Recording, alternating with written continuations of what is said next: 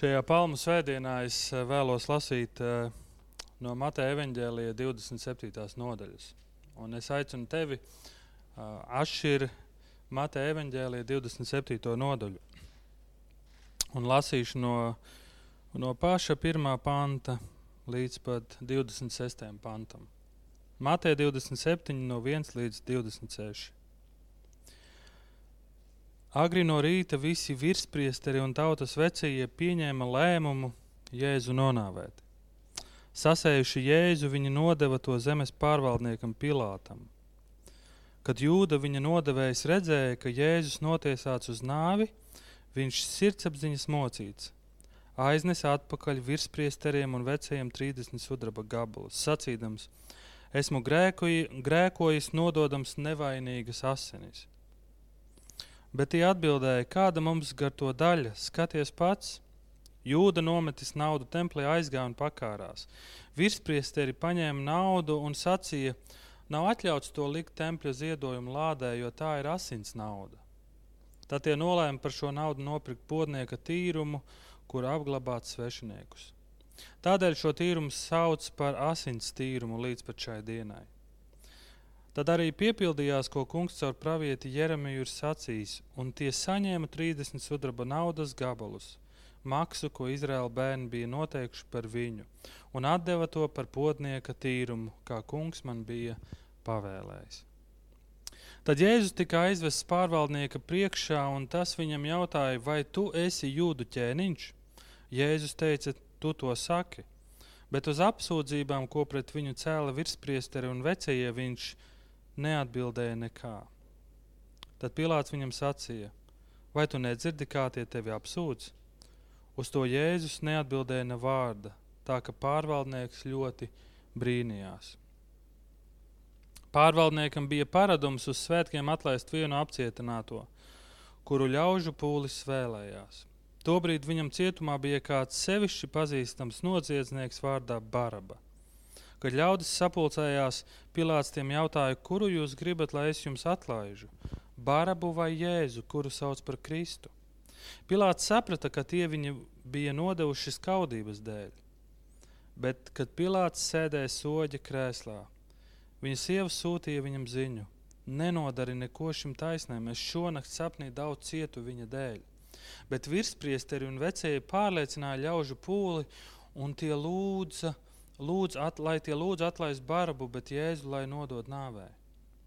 Tad pārvaldnieks jautāja ļaudīm, kuru no šiem diviem jūs gribat, lai es jums atlaižu? Tie sauca barabu. Pilārs jautāja tiem, ko lai es daru ar Jēzu, kuru sauc par Kristu. Tie visi sauca, lai viņu sit krustā. Viņš jautāja, ko gan viņš sliktu darījis. Tad tie kliedza vēl skaļāk, lai sit krustā. Kad Pilārs redzēja, ka viņš nekā nevar panākt, bet troksnis to par vien lielāks, viņš ņēma ūdeni un mazgāja rokas ļaužu pūļu priekšā, teikdams: Es esmu nevainīgs pie šā taisnā asinīm. Skatieties jūs paši! Visi ļaudis sauca viņa asinis, lai, uz, lai ir uz mums un mūsu bērniem. Tad Pilārs tiem atlaida barabu, bet Jēzu nodeva šaustīt un sist krustā. Debes Tēvs! Paldies par Tavu vārdu šorīt. Un svētī to, svētī mūs klausoties un palīdz mums ieklausīties tajā, ko Tu šorīt gribi teikt. Āmen. Man nav laika. Viens no biež, biežāk dzirdētajiem teikumiem, ko paši sakām un dzirdam no citiem. Un patiešām šķiet, ka laiks skrien ļoti, ļoti ātri. Bet tad mēs dzirdam pretargumentu, bet visiem ir vienas un tās pašas 24 stundas. Un tā ir patiesība. Mēs turpinām sēriju pretī uzvarai, kas ir Mateja evaņģēlē sērijas turpinājums. Un, eh, draudz, mēs tūlīt būsim pabeiguši šo sēriju. Un ejot cauri šai sērijai, ļauj man te uzdot jautājumu, vai tev ir bijis laiks patiesībai? Ejot cauri šai svētdienas sērijai, vai tev ir bijis laiks apstāties un pārdomāt, apstāties un domāt par patiesību. Es lasīju, uh, es lasīju par kādu tiesas prāvu, kas bija daudzus gadus atpakaļ Lielbritānijā, Londonā.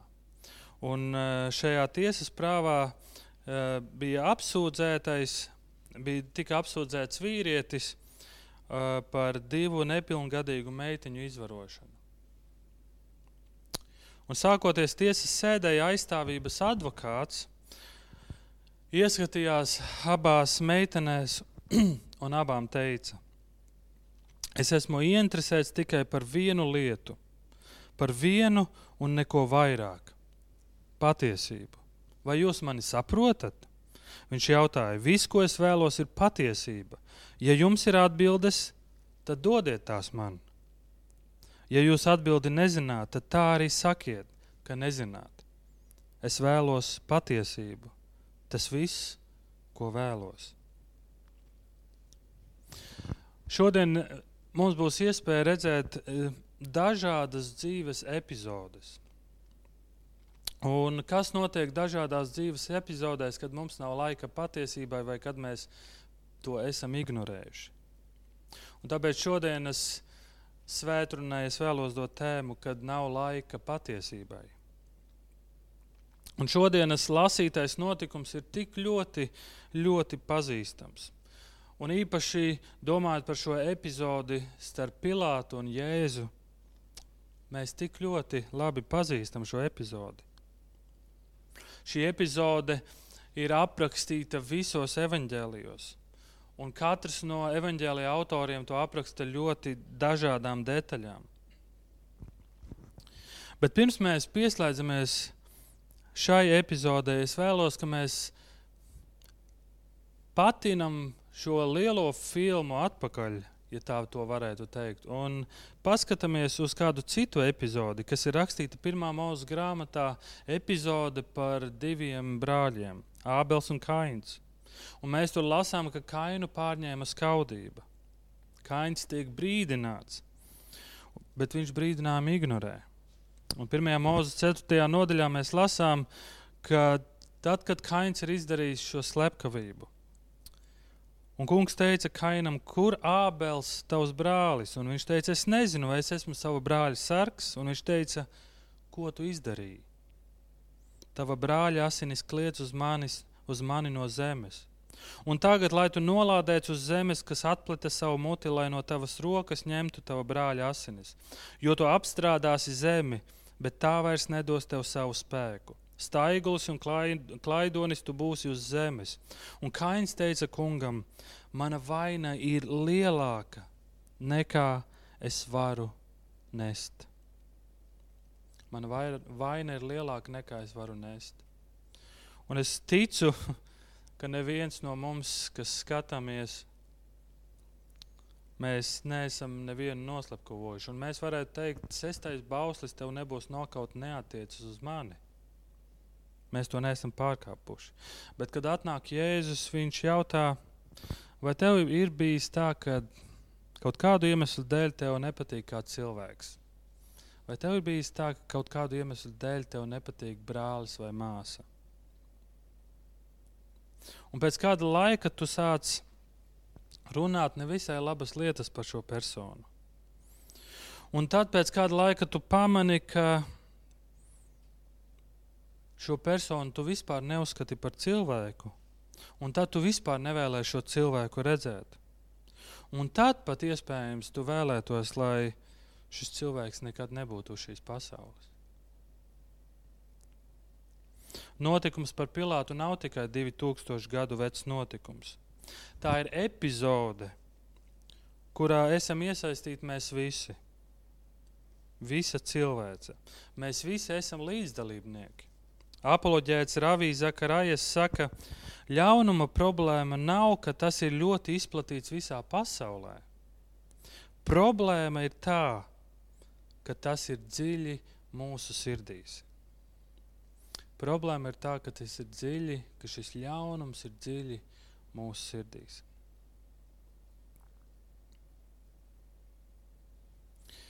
Tas, ko mēs šorīt lasījām, šis, šī, šīs epizodes, ko mēs lasījām, šī rīta stāsts ir, kā agri no rīta virspriesteri un visa Izraēla elite ved Jēzu pie romiešu zemes pārvaldnieka, pie Pilāta.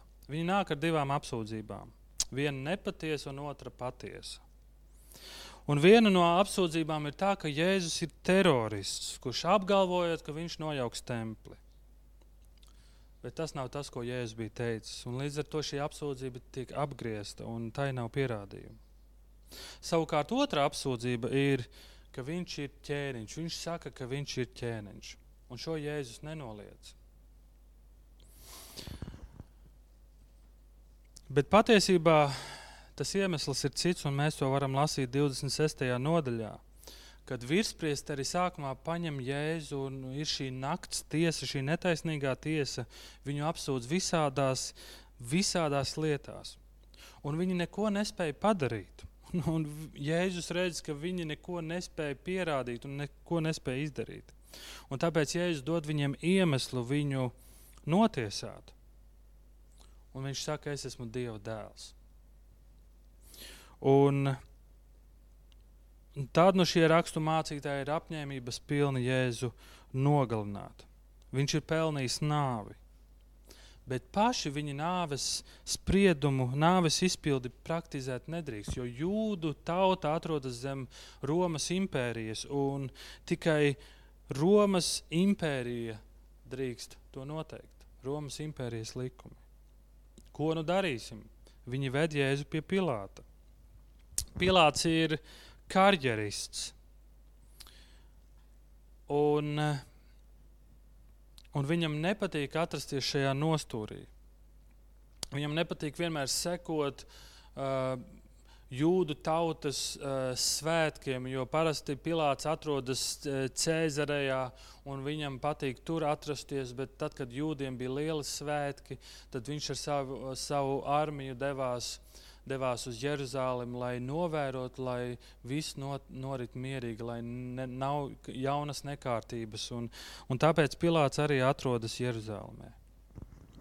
Pilārs ir ļauns, viņš ienīda savu darbu un viņš ienīda jūdu tautu.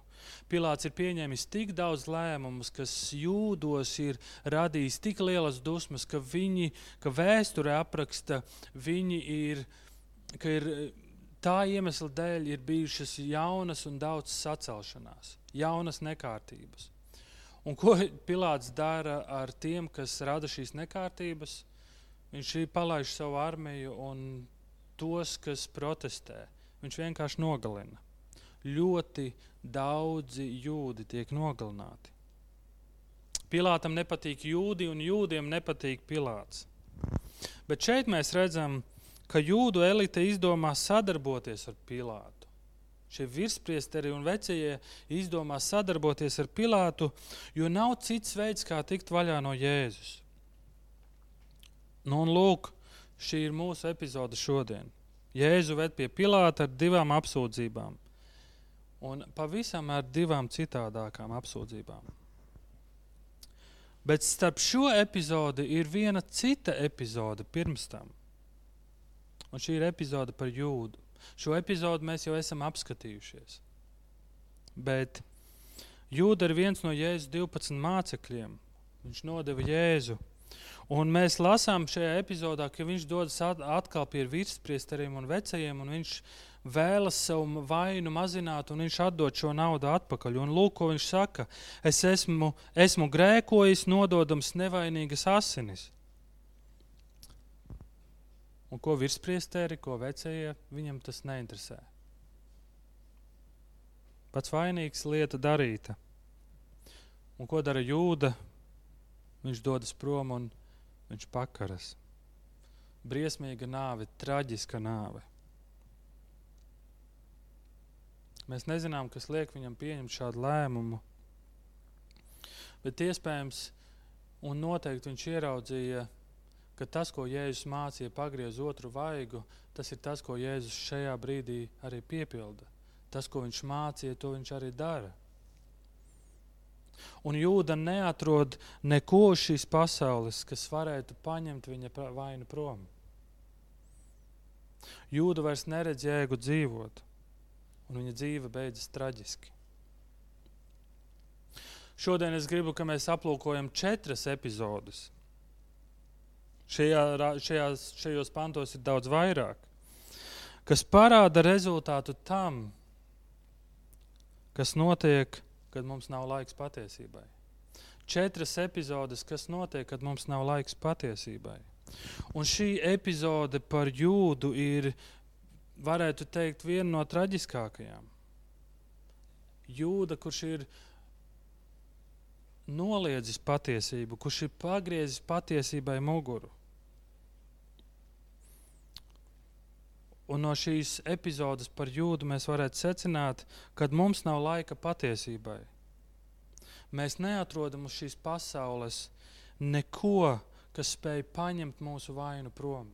Kad mums nav laiks patiesībai, mēs neatrodam neko šīs pasaules, kas spēj paņemt mūsu vainu prom. Un, kad esam noskatījušies šo epizodi par jūdu, mēs domājam, kas notiek tālāk. Un tad mēs redzam, citu kamera pagriežas uz citu skatu, un kamera pagriežas uz virspriesteriem un vecajiem. Un šī ir cita epizode, kad jūda dodas prom, vecie un virspriesteri paliek, un paliek šī nauda, tad viņi izdomā uztaisīsim sapulci, un mums jānolem, ko mēs darīsim ar šo naudu, jo, ko viņi saka sestajā pantā. Nav atļauts to likt tempļa ziedojuma lādē. Neliksim šo naudu kolektē, jo tā ir asins nauda. Šie virspriesteri un vecie saprot, ka veids, kā viņi, ir, kā viņi cenšas tikt no jēzus vaļā, tas nav godīgs un taisnīgs veids. Un viņi saka, ka tā ir asins nauda. Tā ir netīra nauda. Un, ja mēs to liksim kolektēt, tad Dievam noteikti, Dievam noteikti tas nepatiks. Un tad viņi nolēma nopirkt podnieka tīrumu. Podnieka tīrumu, kur svešinieki tiek apglabāti.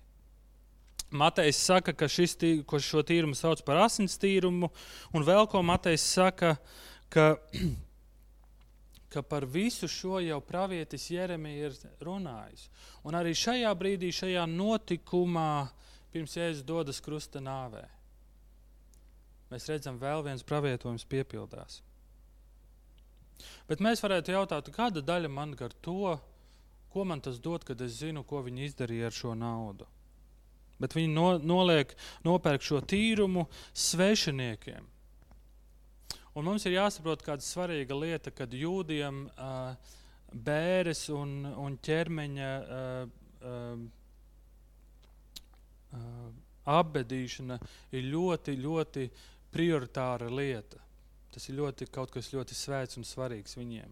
Un tad, kad kāds nomirst, viņiem nav kremēšana, ķermenis ir īpaši apstrādāts un diezgan ātri ir jānotiek apbedīšanai. Un, ja kāds svešinieks ierodas, ja, ja tu dzīvo kādā citā vietā, pilsētā un dodies, pieņemsim, uz Jeruzalemi, un kādam ir sirdstrieka, tad ko darīt? Tu nepaspēji, tevi nepaspēja nogādāt uz, uz mājām, kremēšana. Tajā laikā jūdiem vispār nebija e, pieļaujama. Un, uh, tad bieži vien nebija vietas, kur apglabāt. Un tāpēc tas, ko šie virspriesteri un vecie izdomā darīt, nopirksim tīrumu šādiem gadījumiem nopirksim tīrumu.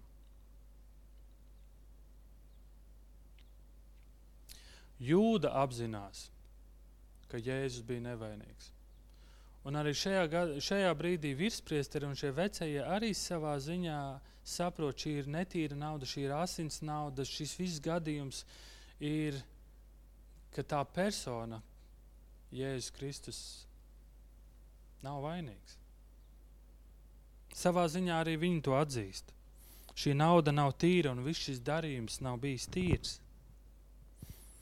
Un pieņemsim, ka šajā vietā, šajā tīrumā ir 50 apbedīšanas vietas, un katrs cilvēks, katrs svešinieks, kuram ir iespēja šo, šo tīrumu lietot, viņi savā ziņā ir guvuši labumu no Jēzus nevainīgā asins izliešanas. No šī Jēzus netaisnīgās tiesas. šis, šie svešinieki ir ieguvēji. Ko tas nozīmē?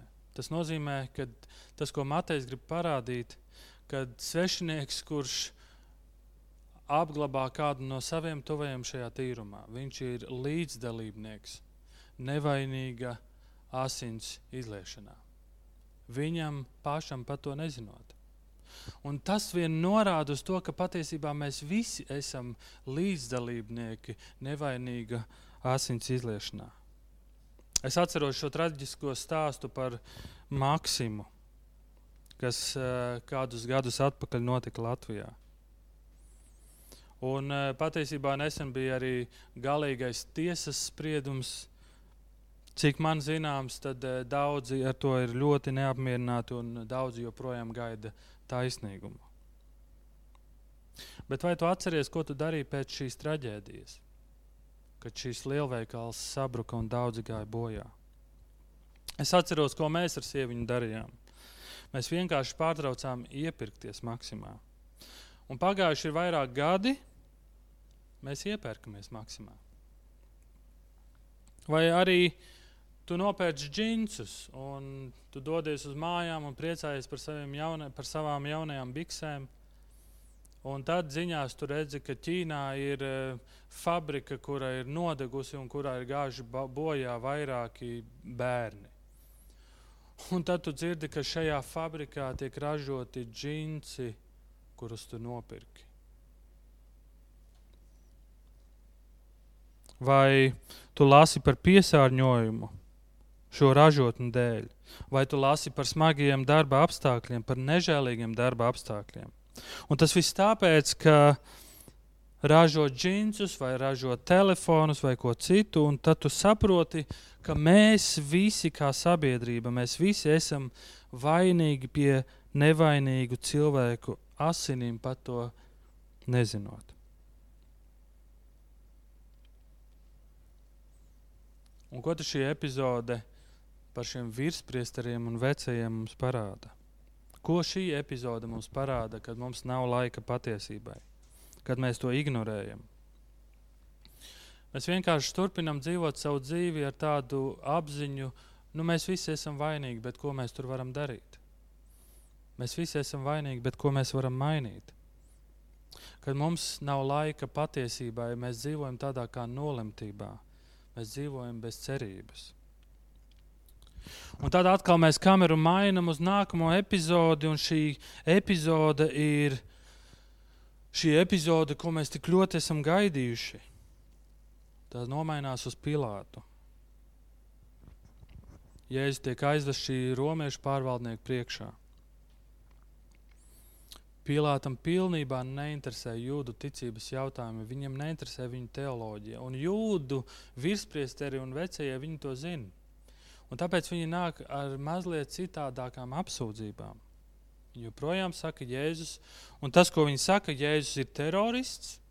Tā ir viena apsūdzība. Viņš teica, ka uh, uh, viņi apgalvo, ka Jēzus sakās nojaukt templi. Un tad otra apsūdzība ir par to, ka viņš ir jaunais ķēniņš.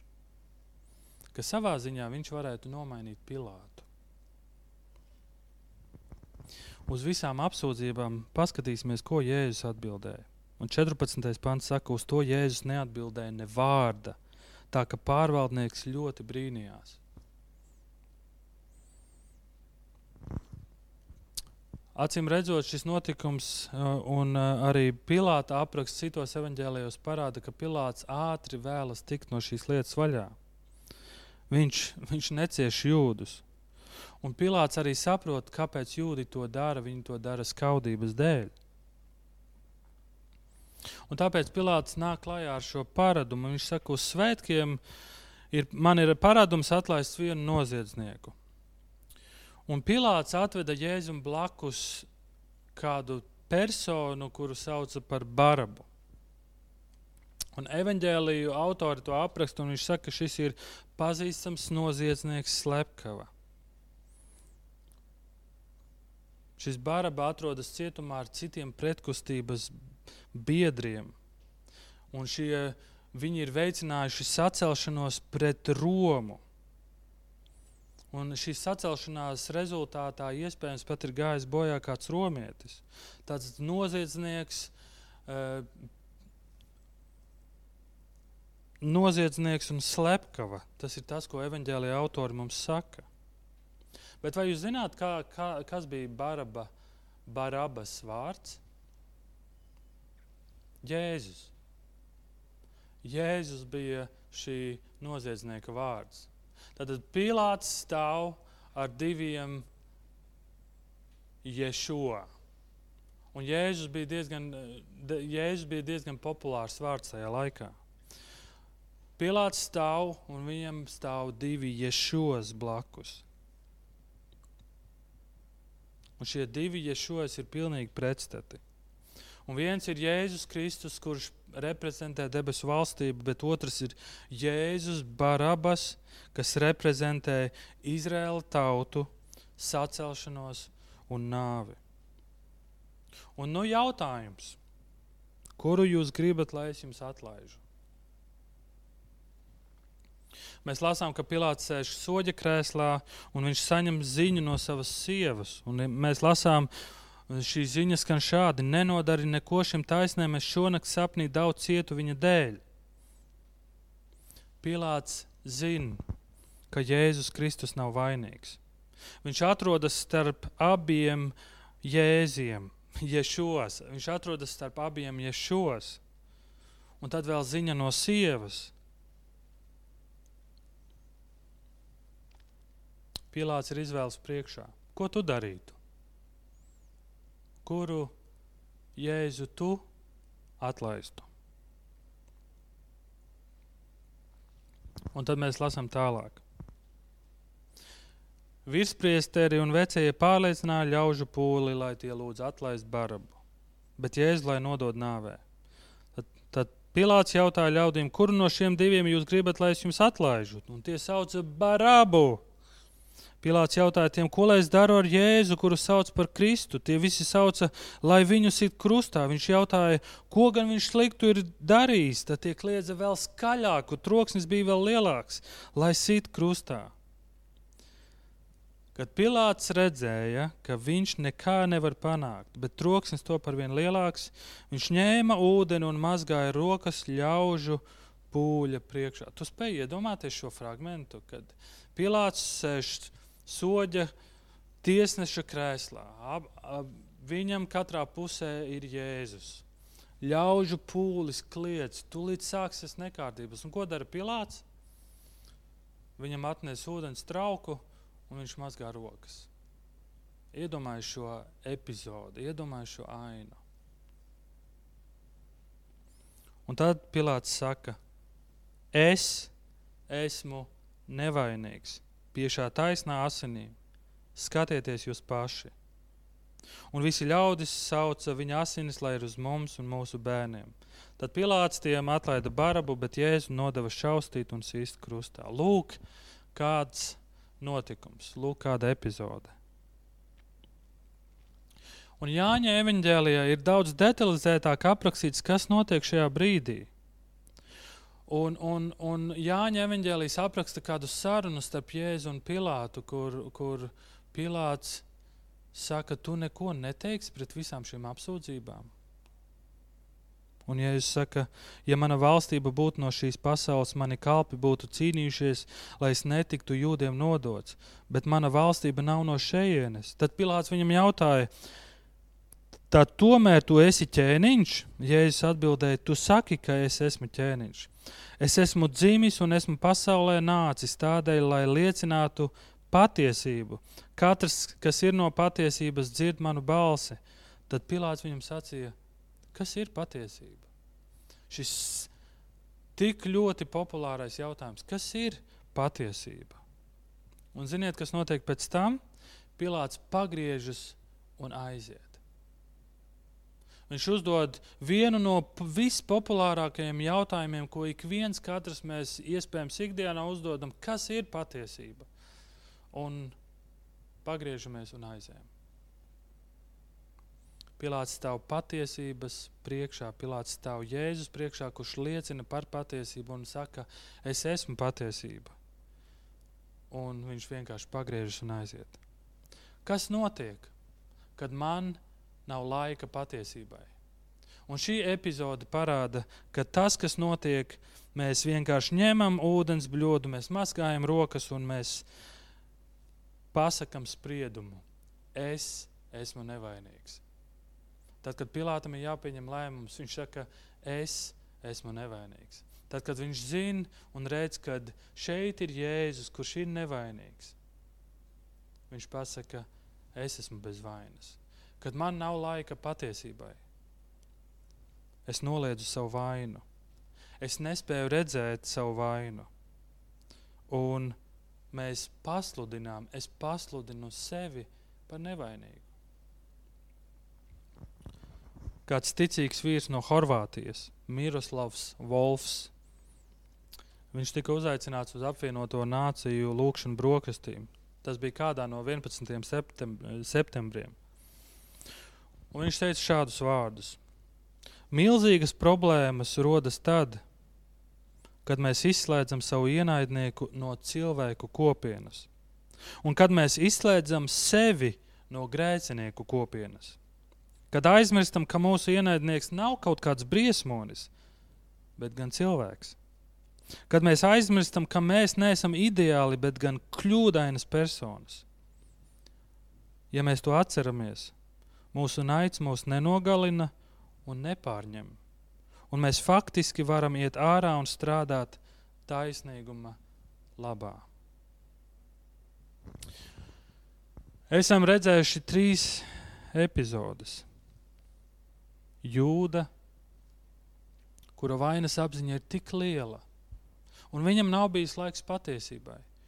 Un viņa vainas apziņa ir tik liela, ka viņš neatrod uz pasaules vietu vai kādu, kurš šo vainu varētu paņemt prom.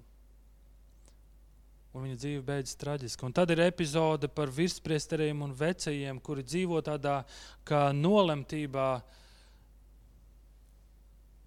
kuri parāda šo personu kā nolemtībā dzīvojošu bez cerības.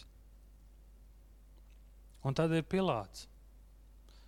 Kad Pilātam nav laika patiesībai, kad viņam neinteresē patiesība, tas, ko viņš dara, viņš saka, es esmu bez vainas. Es esmu bez vainas. Un tajā brīdī, kad viņš to pasaka, viņš ir vainīgs šī nevainīgā Jēzus nāvē. Un tad ir ceturtā epizode, un tie ir ļaudis, tas ir pūlis. Galīga dezinformācija. Un mēs lasām 20. pantā, virspriesteri un vecie pārliecina ļaužu pūli. Viņi pārliecina, ka Jēzus ir drauds nacionālajai drošībai. Jēzus ir bīstams mūsu tautai, mūsu tradīcijām. Un tad mēs redzam, kad Pilārs jautā šo jautājumu, ko man darīt? ar šo Jēzu, ko sauc par Mēsiju. Viņi saka, sit viņu krustā. Un tad viņi vēl saka epizodi, viņa asinis, lai ir uz mums un mūsu bērniem. Viņa asinis, lai ir uz mums un mūsu bērniem. 2004. gadā Mels Gibsons uh, strādāja, veidoja filmu Kristus ciešanas. Un šajā filmā viņš bija iekļāvis šo epizodi šo epizodi, ko teica jūdu ļaudis. Viņa asinis, lai ir uz mums un mūsu bērniem.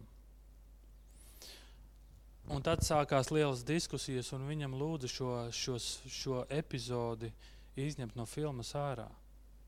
Jo tas var radīt jaunu, tas var radīt jaunas antisemītisma izpausmes.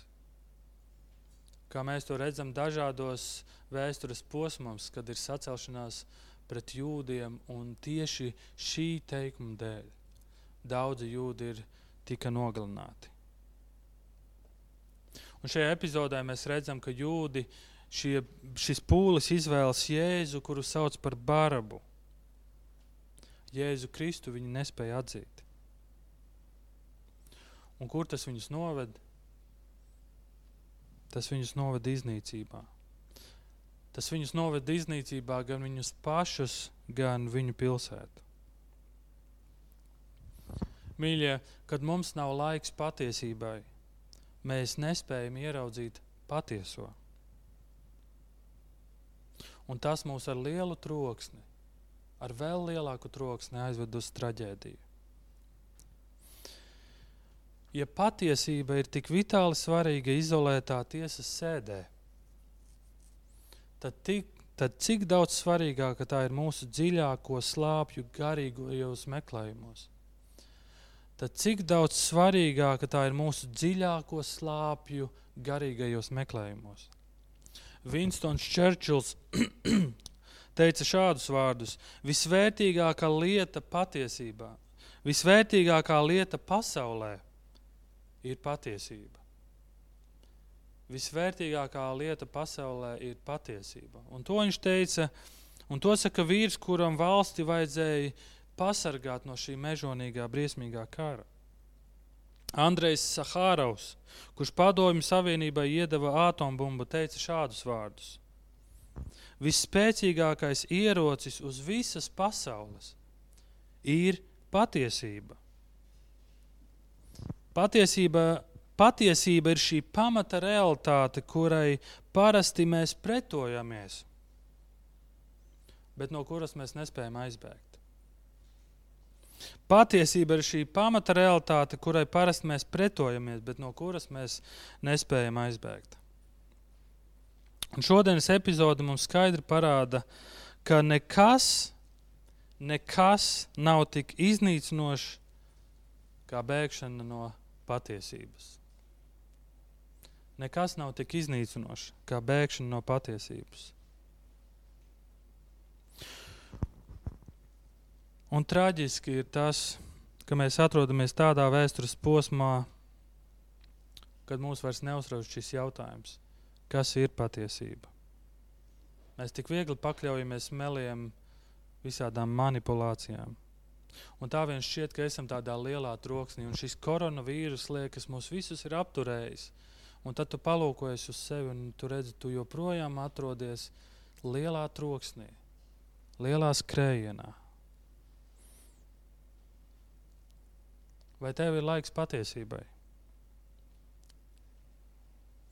Kad mums nav laiks patiesībai, mēs nespējam ieraudzīt, kāpēc Jēzus ir nācis. Un mēs nespējam ieraudzīt, kas Jēzus ir. Un Jāņa 18. mēs lasām, Jēzus saka, es esmu dzimis un esmu pasaulē nācis tādēļ, lai liecinātu patiesību. Katrs, kas ir no patiesības, dzird manu balsi. Katrs, kas ir no patiesības, dzird manu balsi. Un tagad, kad mēs atrodamies Mateja evaņģēlijas sērijas nobeigumā, es atceros pašu sākumu, kad mēs sākām Mateja evaņģēlijas sēriju. Un viena no biežāk izteiktajām frāzēm bija: Matejs vēlas parādīt, ka Jēzus ir ķēniņš. Un ja man nav laika patiesībai, es nespēju ieraudzīt, kas ir mans patiesais ķēniņš. Un šis ķēniņš liecina par patiesību. Patiesība ir tas, ko Jēzus saka par Dievu un mūžību caur viņa vārdiem un darbiem. Un visas šodienas epizodes mums parāda, ka nav neviens, kas ir patiesības pusē. Kurā pusē esi tu? Jēzus ir patiesība. Jēzus ir ķēniņš. Viņš savu valstību nodibina uz patiesības, ar patiesību. Un viņa sekotāji, viņa valstības pilsoņi ienāk klausoties patiesību, klausoties šajos patiesības vārdos, ko viņš māca par Dievu. Un šodien, šajā palmu svētdienā, es aicinu, ka mēs saucam uz viņu, uz Jannā. Un šodien mēs varam saukt Oziānā. Un Oziāna nozīmē glāb mūs. Un Jēzus Kristus upuru dēļ šodien mēs varam kliegt ar lielu saucienu. Jēzu, lai tavas asinis paliek uz mums un mūsu bērniem. Jo tās ir tās, kas mūs glābi, un tā ir patiesība. Lūksim Dievu. Debes Tēvs, Paldies par šīm epizodēm, ko tu parādīji, kas notiek, kad mums nav laiks patiesībai. Es ļoti lūdzu, ka tu iedrošini mūs ikvienu, ka tu maini mūs un ka arī šajā izolētības un klusuma laikā mums ir laiks tev, Kristu. Jo tu saki, tu esi ceļš, patiesība un dzīvība. Tikai tu esi ceļš, patiesība un dzīvība. Palīdzi, ka šis ir laiks, kad mēs apstājamies un ieklausāmies tajā, ko tu saki, un spējam ieraudzīt, kas tu patiesībā esi. Un es ļoti lūdzu par mums ikvienu, ka tu esi mūsu dzīves patiesais ķēniņš. Tavā vārdā to lūdzam. Āmen.